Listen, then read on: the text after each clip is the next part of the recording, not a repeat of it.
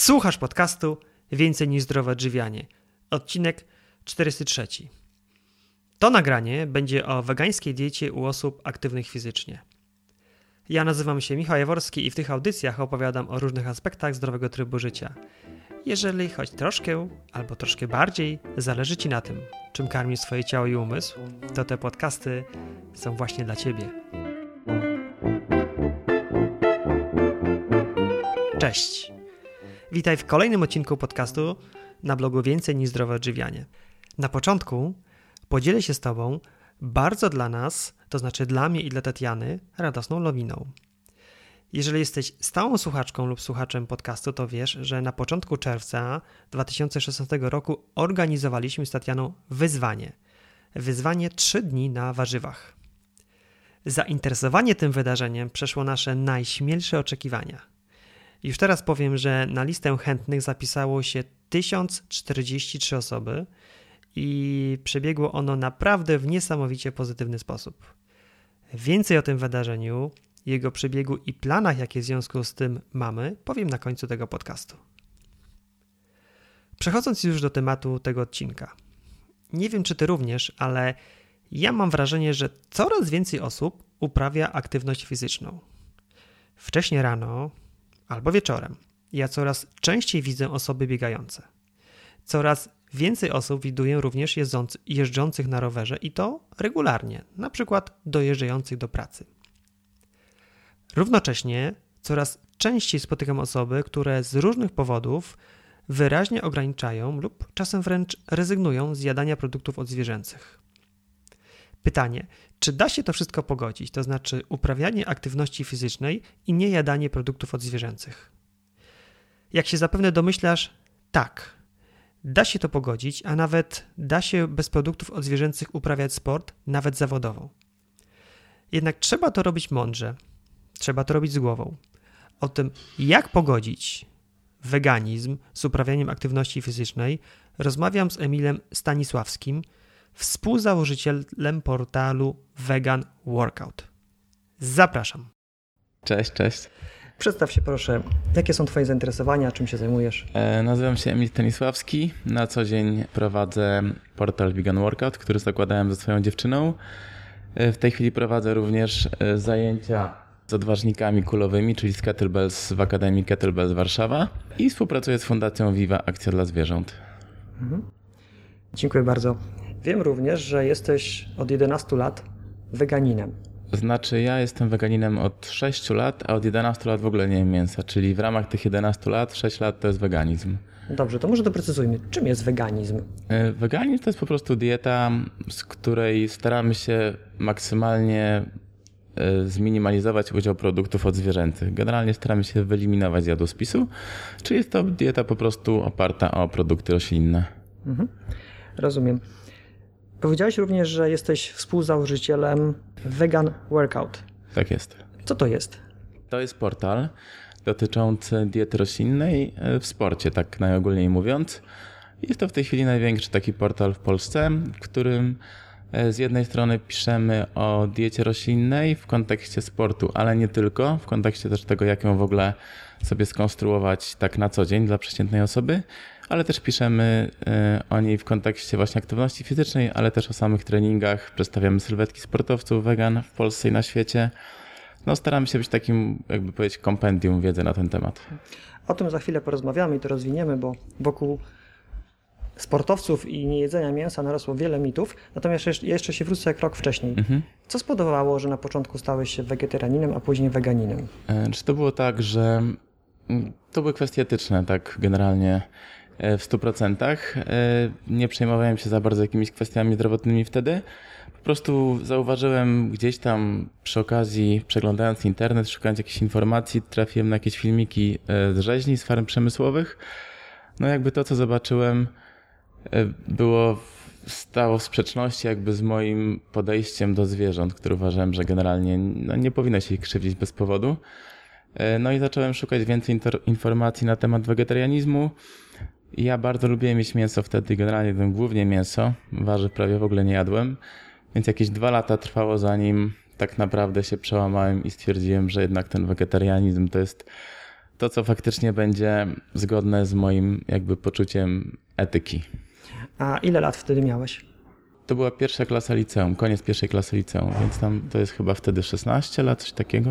Nie wiem nawet. Wtedy przestałeś jeść mięso, a Tak, kilka tak. lat później. No jakieś 5 lat później chyba na studiach przestałem jeść też nabiał.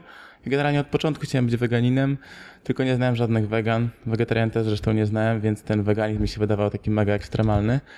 Ale potem zacząłem y, działać w Fundacji Viva, właśnie poznałem aktywistów, którzy są weganami, zobaczyłem, że to są normalni ludzie. Potem poznałem moją dziewczynę, która była weganką już z 5 lat, więc tak po prostu przeszedłem na weganizm. Rozumiem. Teraz skupmy się właśnie na tym portalu Vegan Workout, o którym wspomniałeś. Zajmujecie się promocją weganizmu wśród sportowców. Znaczy, ja bym powiedział, że zajmuję się promocją weganizmu wśród osób aktywnych fizycznie, no bo znaczy sportowiec to jest takie słowo, które mi się kojarzy raczej z osobami, które zawodowo uprawiają sport. Po prostu osoby, które są aktywne fizycznie, no a z drugiej strony też chcemy jakoś propagować aktywność fizyczną wśród samych wegan. Powiedz, Emil, skąd się wzięły mity takie, że na diecie wegetariańskiej albo wegańskiej będziemy mieli niedobory białka, żelaza, wapnia? Wiesz co, no te mity dotyczące białka to, to są jeszcze takie stare badania przed kilkudziesięciu lat, które były prowadzone na szczurach, kiedy jeszcze e, nawet nie wiedziano, co to są dokładnie aminokwasy. No i tam faktycznie wyszło, że te szczury rosły jakoś gorzej na, na białku roślinnym, ale to wynikało z tego, że to badanie było przeprowadzone, kiedy jeszcze nie mieliśmy wiedzy na temat tego, czym są same białka. Potem gdzieś tam to zostało i, i, i tak cały czas do dzisiaj gdzieś tam funkcjonuje. Y, A te mity na temat żelaza, to szczerze mówiąc, nawet nie wiem, bo nigdy nie było badań, które by wykazały, że wegetarianie mają niższy poziom żelaza, więc. Znaczy, faktycznie jest tak, że żelazo roślinne się gorzej przyswaja, ale możemy sobie z tym poradzić. No ale jakby chyba na podstawie tego powstała ta plotka, że wegetarianie częściej chorują na anemię, chociaż, chociaż to nie jest wcale prawda. Te statystyki są mniej więcej takie same dla wegetarian i osób wszystkożernych. A wapń? Bo jedną z pierwszych reakcji, Tak. jaką można spotkać, to jest pytanie, a skąd będziesz czerpał wapń? E, Wapń jest faktycznie problemem. Jeżeli o ile białko i żelazo, białko to w ogóle nie jest problemem, żelazo nie powinno być problemem, o tyle wapń, e, mówimy o diecie wegańskiej, tak, nie, nie wegetariańskiej, może być problemem z tego względu, że wiele osób o nim zapomina. E, To nie jest tak, że nie ma źródeł wapnia dobrych, bo są, tylko ich jest kilka. I jeżeli tych kilku produktów nie ma w tej naszej diecie, która i tak może być wtedy urozmaicona, to faktycznie ten niedobór wapnia może się pojawić i on faktycznie występuje częściej u wegan niż u wszystkożerców, ale u wegan, którzy przyjmują za mało wapnia, bo jak ktoś przyjmuje odpowiedniej ilości wapnia, to tutaj nie ma żadnej różnicy. E, No więc warto się dowiedzieć, gdzie ten wapń jest i te produkty sobie wrzucić do codziennej diety, no bo mówię, może być kolorowo na talerzu, a tych kilku produktów zabraknie i, i te problemy z wapniem za ileś tam lat się pojawią. Bo to nie od razu widać, tak? E, No nie, nie, nie, to nie od razu widać. Poza tym to też jest kwestia e, witaminy D, więc generalnie najlepiej sobie badać co jakiś czas gęstość mineralną kości po prostu. Dobrze. Ja jeszcze Ci podpytam później o tym, jak tą dietę bilansować. Dobra. Natomiast teraz bym chciał, żebyś powiedział troszeczkę o tym, jak to jest właśnie w świecie sportowców albo ludzi uprawiających aktywność fizyczną. Możesz podać jakieś przykłady osób, które rzeczywiście uprawiają dużą aktywność fizyczną, a są na diecie wegańskiej i sobie świetnie radzą? E, Tak, no mogę. Generalnie nawet w Polsce teraz ruszyła też kampania Jasna Strona Mocy, otwartych klatek, gdzie też miałem okazję współpracować przy tworzeniu e, materiałów do tej kampanii. I tam jest sporo osób, e, które owszem, część jest e, na diecie wegetariańskiej, ale są też weganie, którzy w tej chwili są ambasadorzy, którzy uprawiają sporty walki. No więc sporty walki zawodowo, czyli startują w zawodach, no są dosyć wymagającym sportem. I są tam osoby, które zdobywają mistrzostwa i które są na diecie roślinnej od wielu, wielu lat, często nawet powyżej 10 lat, więc jak najbardziej te przykłady z własnego podwórka mamy.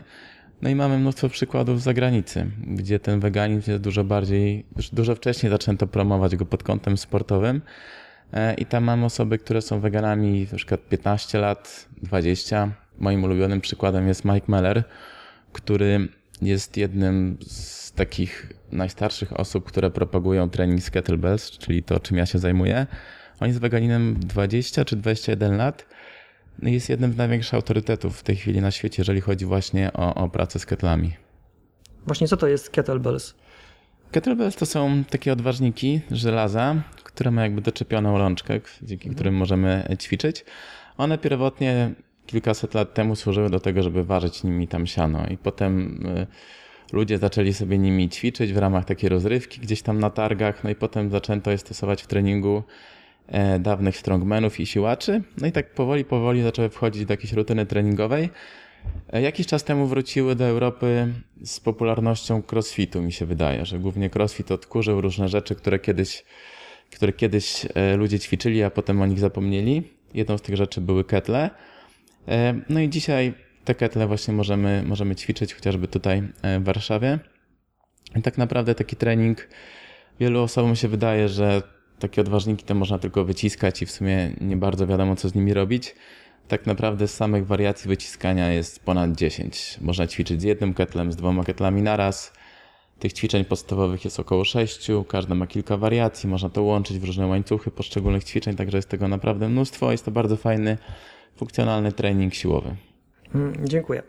Teraz wracając do diety wegańskiej i sportowców. Powiedziałeś, że mamy przykłady sportowców, którzy już nawet ponad 20 lat są na diecie tak, tak. wegańskiej. Tak. Powiedz, na co zwrócić uwagę, uprawiając aktywność fizyczną, aby. To też jakby zależy od tego, na ile to jest amatorska aktywność, jaka to jest aktywność. Zacznijmy Jeżeli... od, od, od, amatorskiej. Ktoś zaczyna no, biegać. No właśnie, to jest najczęstszy przykład, że ktoś zaczyna biegać, załóżmy 3 razy, 4 razy w tygodniu. Oczywiście polecam, jak ktoś zaczyna biegać, żeby sobie tam włączyć jakiś też trening siłowy, bo bo sam trening wytrzymałościowy, zakładamy, że ktoś biega na długie dystanse, to, to, to nie jest najlepszy pomysł, trzeba to jakoś uzupełnić.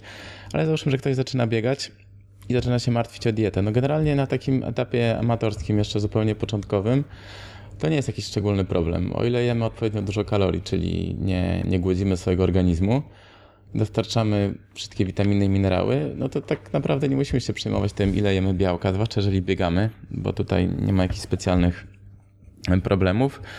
Nie musimy się martwić o ilość węglowodanów czy tłuszczy, dopiero ewentualnie potem, kiedy zaczynamy startować w jakichś zawodach, no to tutaj mogą wchodzić jakieś, e, jakieś typy treningowe typu ładowanie węglowodanami i tak dalej.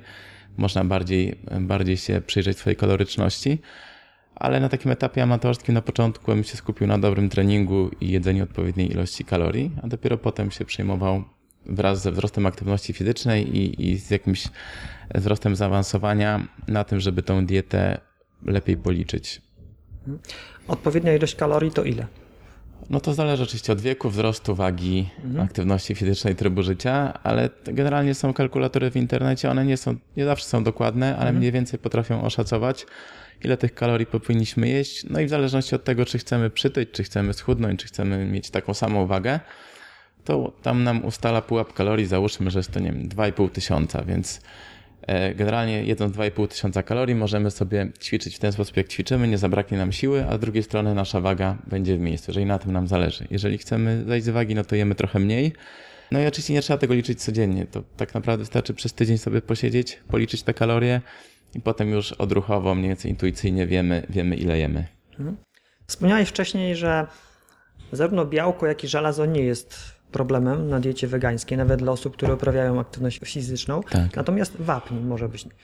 Na co zwrócić uwagę właśnie uprawiając aktywność fizyczną lub nawet nie uprawiając, ale będąc na diecie wegańskiej, aby zapewnić odpowiednią ilość wapnia w swoim Najfajniejszą posiłkach. kwestią, najfajniejszym produktem, najfajniejszym jest mleko roślinne, które jest fortyfikowane o, o wapń, czyli jest tam dodany wapń. Generalnie myślę, że 90% mlek roślinnych dostępnych w Polsce ma ten dodatek wapnia, a to zawsze można sobie sprawdzić na etykiecie.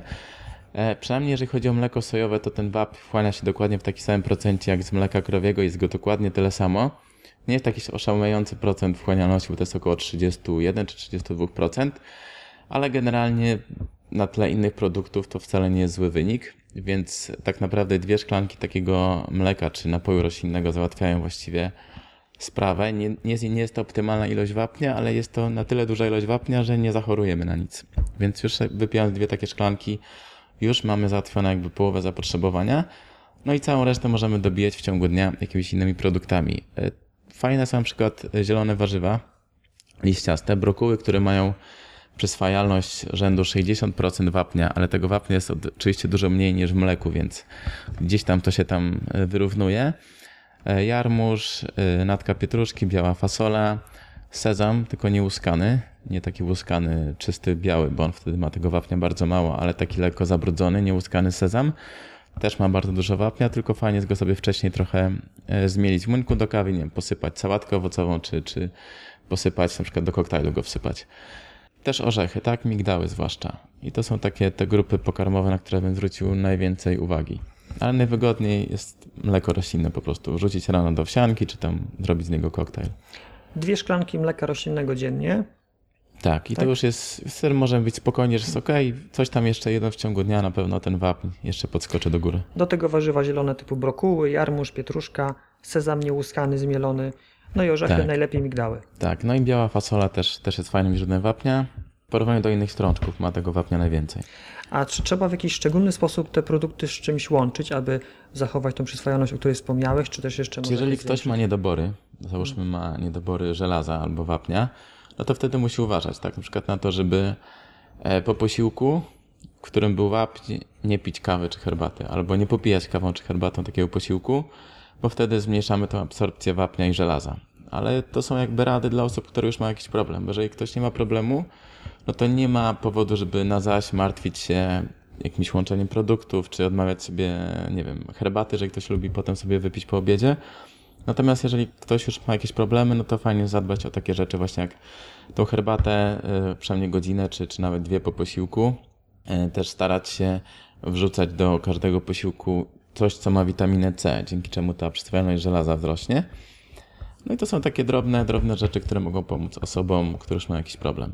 Ale osoby, które generalnie są zdrowe, to nie powinny się takimi rzeczami przejmować specjalnie. A skąd będę wiedział, że mam problem z ilością wapnia no, i żelaza? Warto się badać co jakiś czas, generalnie, niezależnie od diety. To jakie badania? Badania generalnie ogólna morfologia. Mhm. Y, fajnie sobie zbadać poziom ferytyny i poziom e, hemoglobiny, jeżeli chodzi o, o żelazo. Bo sam poziom żelaza, jeżeli zbadamy samo żelazo, to tak naprawdę dużo nam nie powie, ale poziom hemoglobiny ferytyny już, już będzie dla nas wskazówką, czy wszystko jest ok. No i tą gęstość mineralną kości też fajnie sobie tam Niekoniecznie, że tam co kilka miesięcy, nie, ale raz na przykład na dwa lata fajnie sobie zbadać. A jak to fizycznie się odbywa? Pomiar gęstości? Jak ja pamiętam, to chyba była jakaś maszyna, której się wchodziło, czy jakaś cię skanowała, coś takiego. Hmm. Też, tak, no coś, coś cię skanowało, ale nie pamiętam no, dokładnie. Ale wyniki były hmm. chyba hmm. w ciągu paru minut w ogóle okay. gotowe. I nic inwazyjnego, rozumiem? Nie, nie, nie, nikt, nikt nie wstrzykuje, nic się nie dzieje, nikt nic nie pobiera. Już morfologia jest bardziej inwazyjna. tak. Muszą dziurkę w żyle zrobić. Wspomniałeś wcześniej, że jeżeli ktoś zaczyna biegać, to powinien również zwrócić uwagę na trening siłowy. Dlaczego? Tak jest. No bo na przykład my dostajemy dużo też takich pytań na Facebooku od osób, które mówią, że biegają, biegają i bolą ich kolana na przykład. I potem się okazuje, że to osoba, która załóżmy biega od dwóch lat, a nie potrafi zrobić poprawnie przysiadu, nie potrafi zrobić pompki, takich najbardziej elementarnych e, ćwiczeń siłowych z masą ciała, no w związku z tym prowadzi do, do dysproporcji w ciele po prostu. Jeżeli ktoś buduje cały czas wytrzymałość, a jego mięśnie są w tym czasie słabe, są wytrzymałe, ale są słabe, no to ta dysproporcja doprowadzi w końcu do jakichś kontuzji, bólów, więc e, no tutaj ten trening siłowy, niezależnie od tego, co robimy, warto włączyć jedną czy dwie sesje w tygodniu. I to nie mówię tu o treningu takim mhm. jakimś kulturystycznym, bo to nie jest trening, bo są różne rodzaje treningu mhm. siłowego. To może być na przykład trening z ketlami, tak? Może tak. być to nawet trening z masą ciała, tylko jakoś fajnie mhm. skonstruowany. Mhm. Żeby te podstawowe wzorce ruchowe były opanowane, jak właśnie przysiad, pompka, żebyśmy potrafili to zrobić. Mhm. Jeszcze wrócę do diety osób uprawiających aktywność fizyczną i będących weganami. Czy powinni się w jakiś sposób suplementować, już pomijając te fortyfikowane mleko z wapniem. Tak. No ile to jest suplement, w sumie to można to traktować jak suplement, natomiast e, no na pewno w przypadku wegan witamina B12, witamina D to tak generalnie niezależnie od diety w okresie tym jesienno-zimowym w Polsce, e, Chociaż można też latem, jeżeli ktoś na przykład ma pracę, w której nie wychodzi z biura albo nie wychodzi, nie wiem, z jakiegoś klubu, w którym pracuje, i generalnie nie może się wystawić na słońce w południe, no to też tą witaminę D warto wtedy sobie przyjąć. Fajnym suplementem takim ogólnosportowym, w kontekście sportowym jest kreatyna, zwłaszcza dla wegetarian i wegan, bo oni generalnie lepiej reagują na kreatynę, bo mają tej kreatyny o wiele mniej, po prostu nie jedząc mięsa, więc ta reakcja jest szybsza. No i to są takie generalnie punktu widzenia sportowego kreatyna będzie super, z punktu widzenia samej diety witamina D, witamina B12 i to na początek jakby w zupełności wystarczy. Czyli podsumowując, na pewno B12, witamina D okresie jesienno-zimowym albo całym latem, jeżeli ktoś nie ma kontaktu Tak, z tak, słońcem tak. i kreatyna, tak? Tak, kreatyna, zwłaszcza dla osób trenujących siłowo, wytrzymałościowo niekoniecznie to musi zadziałać. Może być też suplementacja jakimś odżywką białkową, jeżeli ktoś ma duże zapotrzebowanie na białko, po prostu nie jest w stanie przejeść tego tyle. No bo też trudniej zjeść więcej kalorii na diecie roślinnej niż tradycyjnej, bo generalnie rośliny mają mniej kalorii w ogóle niż produkty odzwierzęce, więc objętościowo musimy zjeść więcej. Co nie każdemu pasuje, więc czasami jest łatwiej po prostu sięgnąć po jakąś odżywkę białkową, zamiast jeść kolejne porcje, nie wiem, 100 gram soczewicy. Mhm. Co sądzisz o spożywaniu soi? Powiem Ci, czemu pytam, bo No, można spotkać się z informacjami o pewnych negatywnych mm, cechach soi. Tak, można. Z drugiej strony, tu na, mamy dostępny bób, fasole, kilka rodzajów fasoli, Mhm. soczewice, ciecierzyce, dużo różnych roślin bogatych w białko. tak. I dlaczego właśnie sięgać po soję?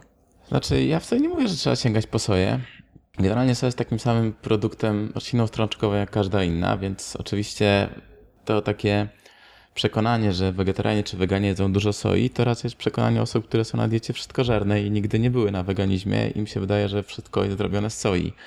E, Co nie jest prawdą. Można nie jeść soi, można być uczulonym na soję i być weganinem, bo soja też jest e, silnym alergenem dla niektórych osób.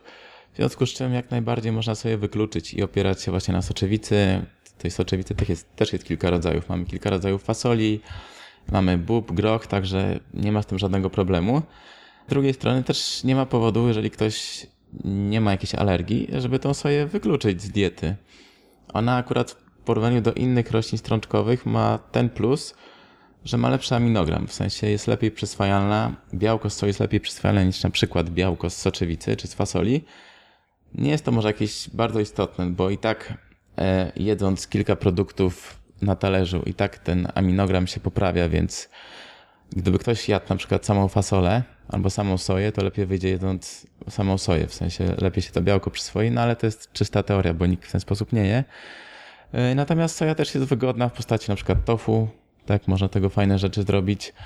E, Jeżeli ktoś chce podbić ilość białka, a niekoniecznie chce podbić ilość węglowodanów, no to tutaj tofu się fajnie sprawdza, bo tych węglowodanów ma mało, białka ma całkiem sporo i ciężko to zastąpić innym produktem wtedy.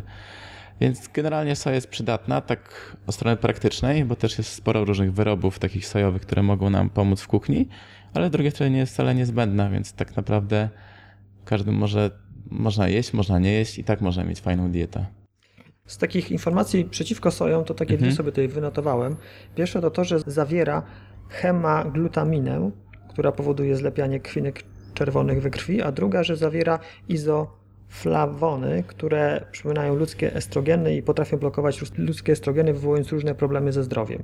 Więc tak, jeżeli chodzi o tą drugą rzecz, mm, faktycznie zawierają fitoestrogeny, które jednak nie są estrogenami. To jest tak jak mamy na przykład witaminę B12, mamy analogii witaminy B12 i one nie działają tak samo.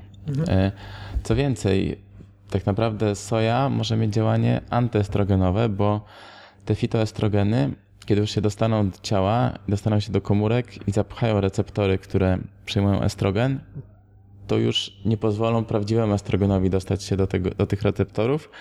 W związku z czym odpowiedź organizmu będzie dużo mniejsza niż jakby tam faktycznie był estrogen. Więc to tak nie działa. Faktycznie jest tak, że jeżeli ktoś je bardzo dużo soi, bo takie badania były, może sobie rozregulować gospodarkę hormonalną, zwłaszcza w przypadku facetów, tylko są to takie ilości soi, których nie da się zjeść w praktyce. W sensie musielibyśmy codziennie jeść, nie wiem, 2-3 kg soi przez kilka lat.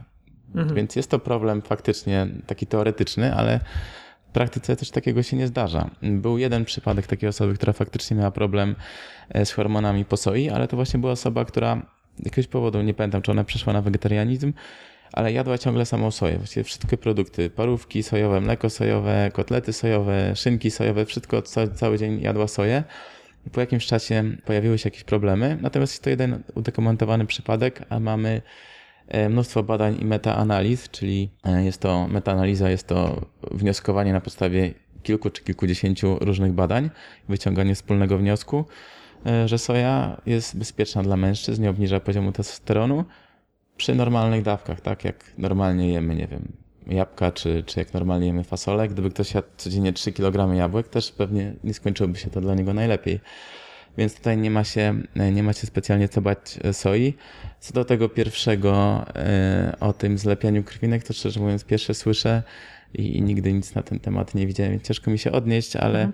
E, jakby nie sądzę, żeby to była prawda, raczej sądzę, że jest to w jakiś sposób przeinaczone wnioski na temat badań, tak jak te dotyczące fitoestrogenów. Spotkałem się również z takim stwierdzeniem, że już decydując się na soję, dużo bezpieczniej jest wybierać produkty sfermentowane. Znaczy, może nie bezpieczniej, a produktów sfermentowanych e, lepiej się przyswajają składniki odżywcze, z tego względu, że jest neutralizowany kwas fitynowy, albo jest go dużo mniej, w związku z czym e, lepiej sobie radzimy z przyswajalnością na przykład żelaza to też nie jest tak. Znaczy, oczywiście to na przykład jest ważne dla osób, które mają niedobór żelaza, tak? No to wtedy dla niej lepiej jest zjeść tofu niż zjeść ziarna soi. Mhm. Ale znowu to są takie problemy jak z tą herbatą, tak? Czy, czy pić herbatę po posiłku, czy nie. Jeżeli ktoś ma jakiś problem ze zdrowiem, warto zwrócić na to uwagę. Jeżeli nie, to po prostu jedzmy to, co nam smakuje w taki sposób, jak nam wygodnie. Z drugiej strony też sfermentowane produkty sojowe są moim zdaniem bardziej atrakcyjne kulinarnie niż suche ziarna soi szczerze mówiąc, więc też bym na takie produkty postawił. Wróćmy jeszcze do tego, co robicie w ramach e, działalności Vegan Workout, czyli promowanie mhm. diety wegańskiej wśród ludzi uprawiających aktywność fizyczną.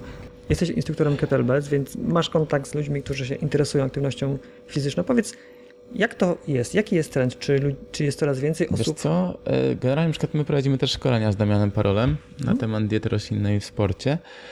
I oczywiście nie pytamy, kto tam je mięso czy nie, ale tak z rozmów z ludźmi wydaje mi się, że około 30% osób, które tam przychodzą, to są osoby wszystkożerne. E, I są to też instruktorzy fitness, instruktorzy przykład kulturystyki, którzy są zainteresowani tą dietą, bo przykład przychodzą klienci, tak, mówią, że no ja nie chcę jeść mięsa i proszę dla mnie coś, dietę zorganizować i trening. No i mają problem, bo nie wiedzą, co się dzieje, tak? Wszyscy ich uczyli, że, że, że te trzeba kurczak, ryż i tak dalej, a tu przychodzi osoba, która nie chce tego robić. No w związku z tym szukają jakieś opcje, żeby się kształcić i generalnie mi się wydaje, że jest coraz większa otwartość na, na, na tą dietę wśród osób, które się zajmują fitnessem. I też e, ja mając kontakt z innymi osobami, które trenują z kettlebells, czy, czy jeżdżąc na jakieś szkolenia z odważnikami, to też podchodzą na przykład instruktorzy z jakichś innych miast i pytają, że o, no ja właśnie myślałem o tym, żeby to mięso ograniczyć, czy coś mi tam doradzisz, sobie tutaj spróbować, a może ja przyjadę na wasze szkolenie i tak dalej, i tak dalej. W związku z tym no, ten feedback jest generalnie bardzo pozytywny. Nigdy nie spotkałem się w tym środowisku z jakimiś negatywnymi opiniami, przynajmniej takimi personalnie, tak, do mnie. Więc mi się wydaje, że, że jest teraz lepiej, że jeszcze kilka lat temu to byłoby trochę inaczej. Mhm. Powiedziałeś na początku, że twój główny powód przejścia na dietę wegetariańską, a później wegańską, to były kwestie moralne, etyczne. A powiedz, czy tak. no już trochę czasu upłynęło, czy zauważyłeś jakieś zmiany związane ze swoim stanem zdrowia po tym, jak zmieniłeś dietę? Właściwie nie. W sensie wydaje mi się, że trochę mniej się przeziębiam, ale nie jestem pewien. Generalnie no, ludzie niektórzy mówią, że potem jak przeszli na weganizm czy wegetarianizm, to poczuli jakiś przypływ energii itd., tak itd. Ja generalnie czuję się tak samo, w sensie jeżeli coś na mnie wpłynęło, to raczej to, że zacząłem trenować niż to, jak jem. W związku z tym też ja nie trenowałem jakoś specjalnie przed przejściem na wegetarianizm, więc też nie mam porównania, ale jakichś spektakularnych osiągnięć nie mam. Jest to dla mnie po prostu taka dieta na co dzień i, i, i dobrze na niej funkcjonuje, ale nie ma jakichś cudów. Mhm, rozumiem. Mówiłeś też, że około dwóch lat ci zajęło porzucenie mięsa. Tak, tak, tak. Co było w tym najtrudniejsze? Musiałem się przełamać i zacząć jeść warzywa, bo wcześniej jadłem najwyżej pomidor, ogórek, marchewkę. E, nie wyobrażałem sobie jeść kalafiora, brokuły czy jakieś, jakieś inne zielone warzywa.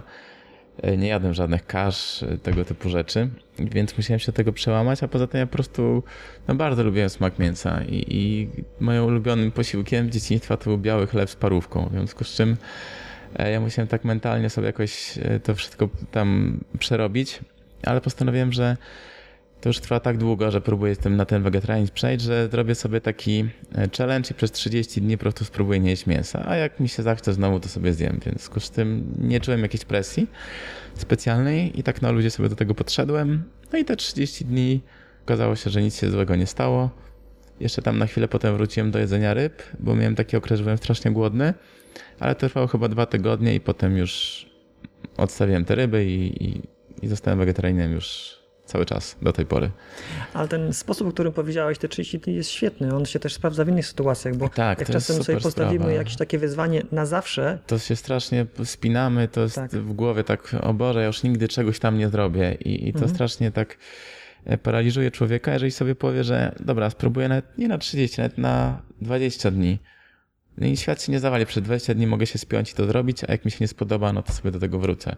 A często się okazuje tak, że po tych 20 dniach już się okazało, że, że jednak nie chcemy do czegoś wracać. Mhm. Więc myślę, że to jest najfajniejszy sposób, żeby spróbować, czy to diety roślinnej, czy wegetariańskiej, czy jakiegoś innego, nie wiem, na przykład sportu, tak? Możemy powiedzieć, że przez 20 dni pochodzę na jakieś zajęcia i zobaczę, czy mi się spodoba. Mhm. A czy po tym już 11-letnim okresie jak nie jesz, nie jesz mięsa, czy nadal masz takie, tak jak wspomniałeś, że w pewnym momencie byłeś tak głodny, że jadłeś ryby, czy nie, nie tak, masz tak. takie napady głodu, że myślisz, że Nie, nie, nie mam napadów głodu, to się uregulowało po jakimś miesiącu, mhm. natomiast na pewno jem więcej i częściej niż jak jadłem mięso, bo no tak jak mówię, dostarczenie sobie kalorii jest trudniejsze, muszę więcej zjeść, ale nie mam jakiś, nie jest tak, że nie wiem, ja ten w ciągu mija godzina od posiłka, już muszę coś koniecznie zjeść, bo jestem straszliwie głodny, to, to, to już nie ma takich rzeczy. Ile razy w tygodniu ćwiczysz? Ja w tej chwili tak, e, capoeira, bo to jest też sport, którym się zajmuję jakby e, wcześniej trochę niż ketlami. Ćwiczę mniej więcej dwa razy w tygodniu. Czasami jeszcze sam robię sobie trening, to jest trzy.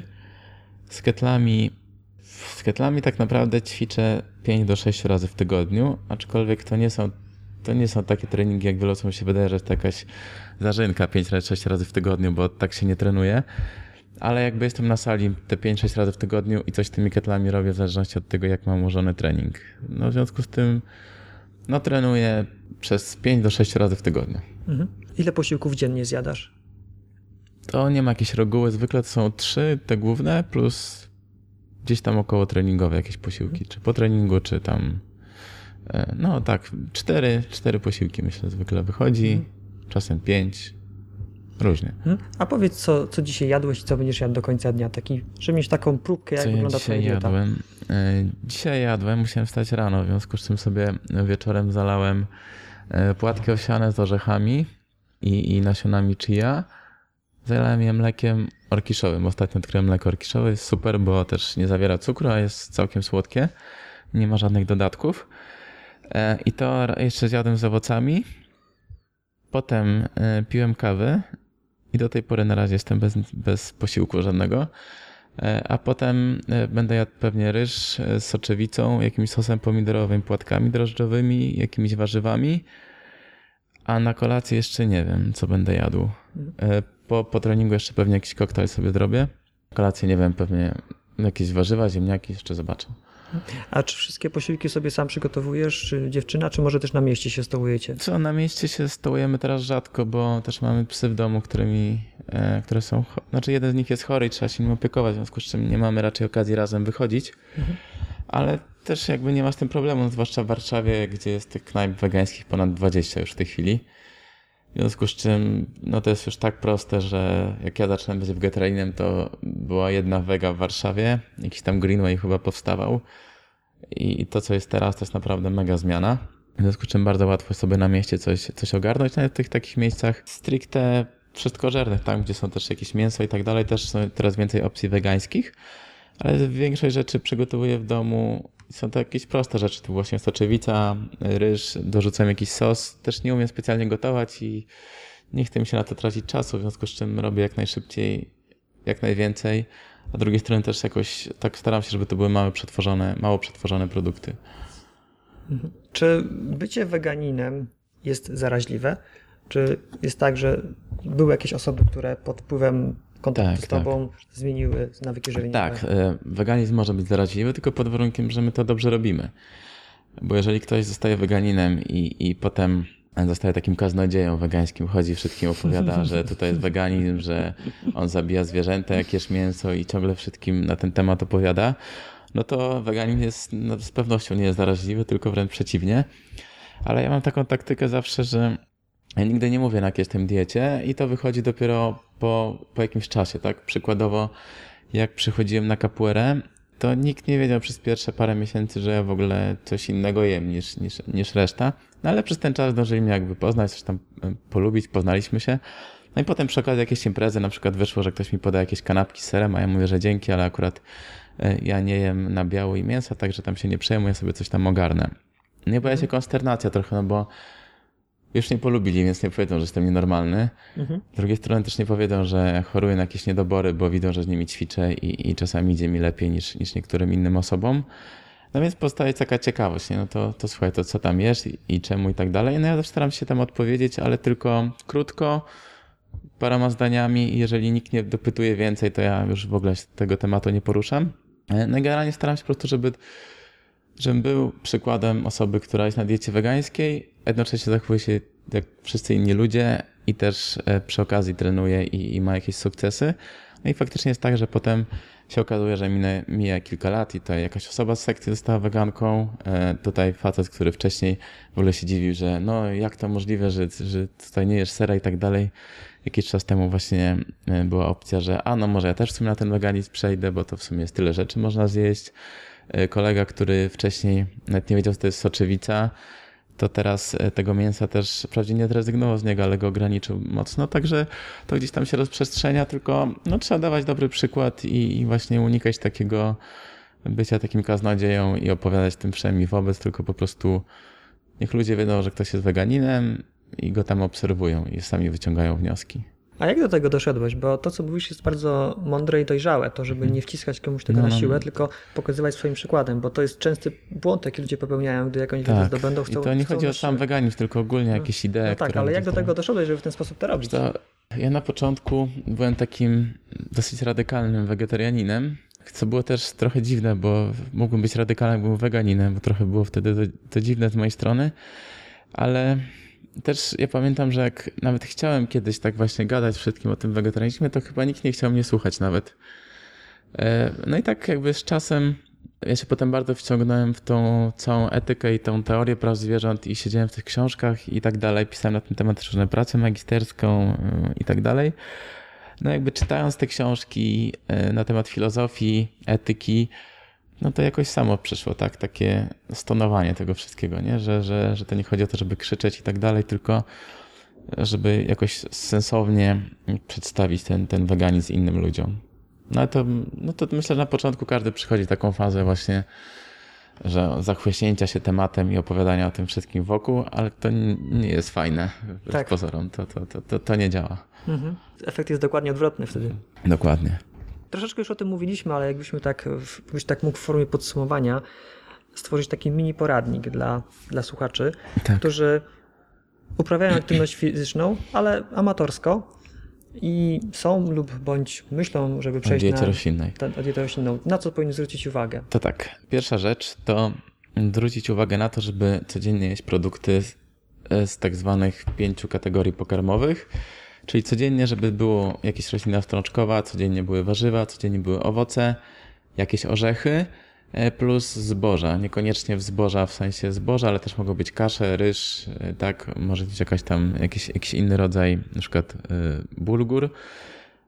Tych rodzajów ryżu i kasz jest też bardzo dużo.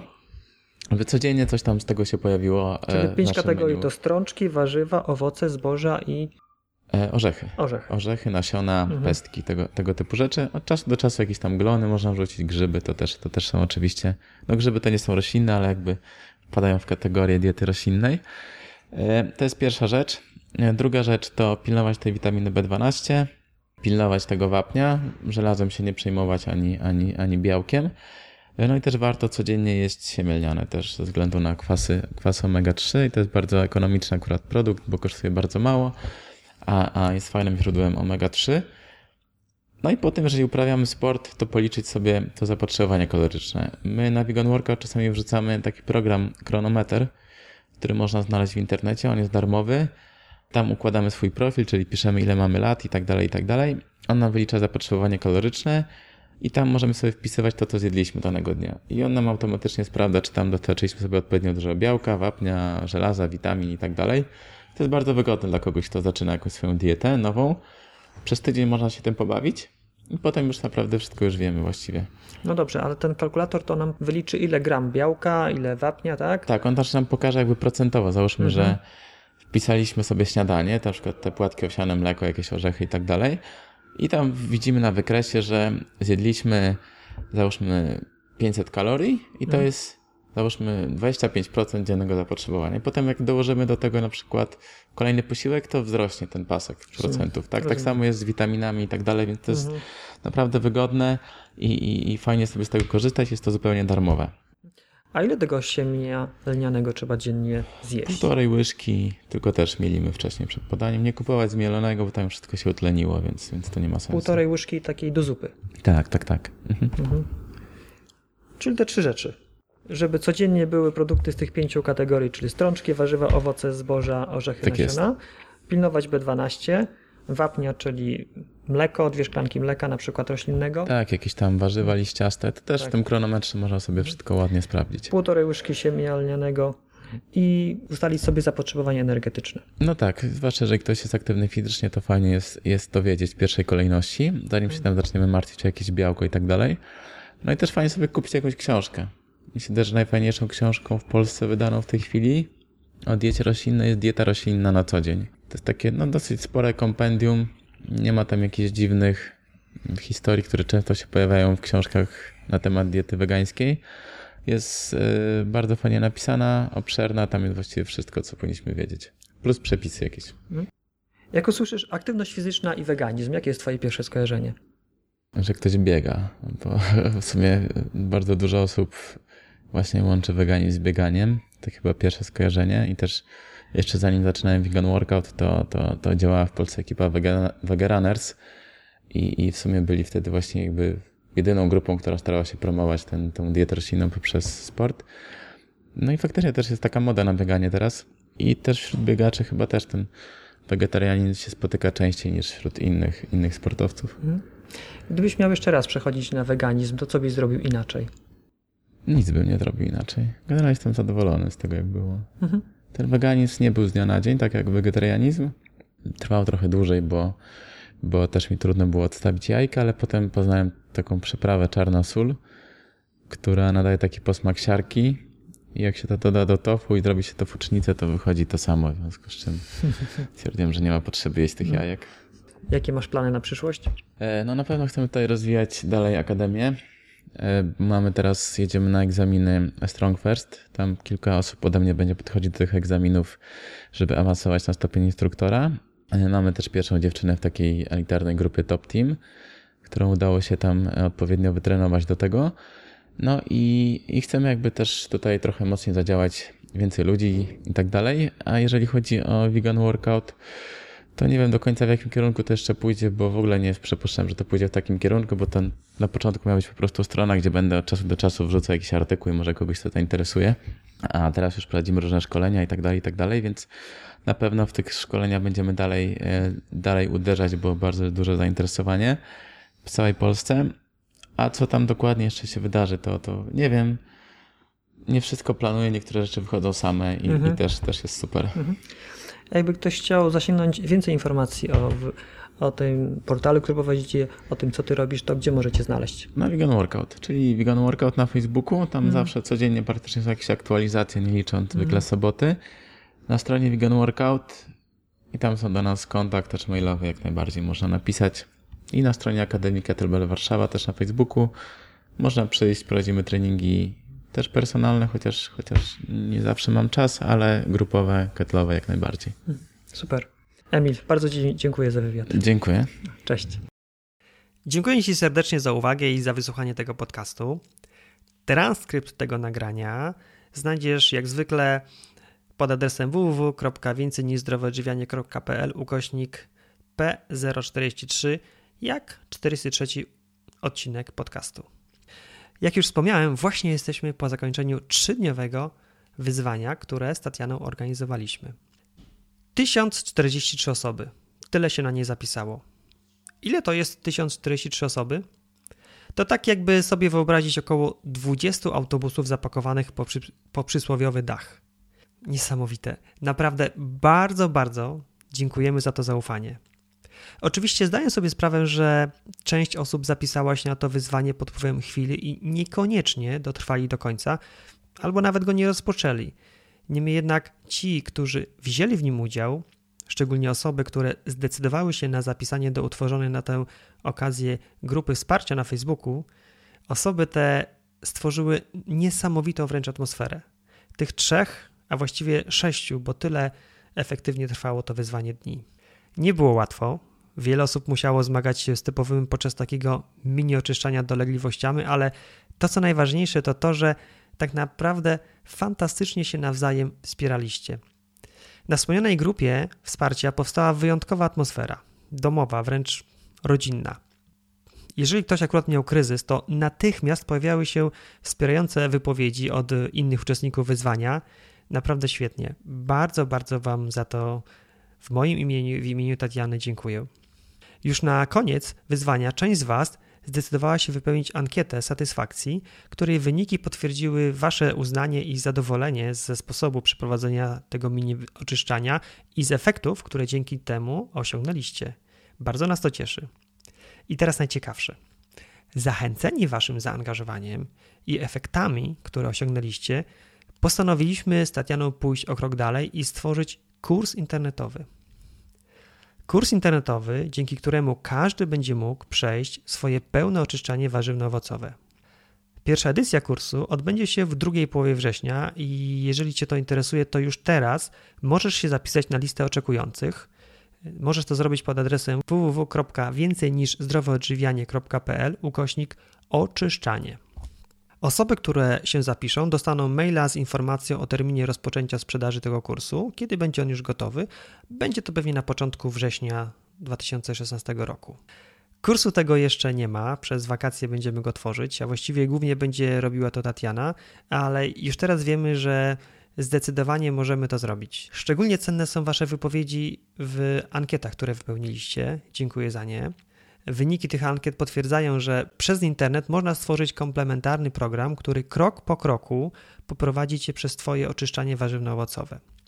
Co więcej, dzięki ankiecie wiemy, co jeszcze możemy zrobić lepiej, aby kurs ten był jeszcze skuteczniejszy i jeszcze łatwiej przeprowadził cię przez oczyszczanie, a co może jeszcze ważniejsze, na stałe zmienił Twoje nawyki żywieniowe.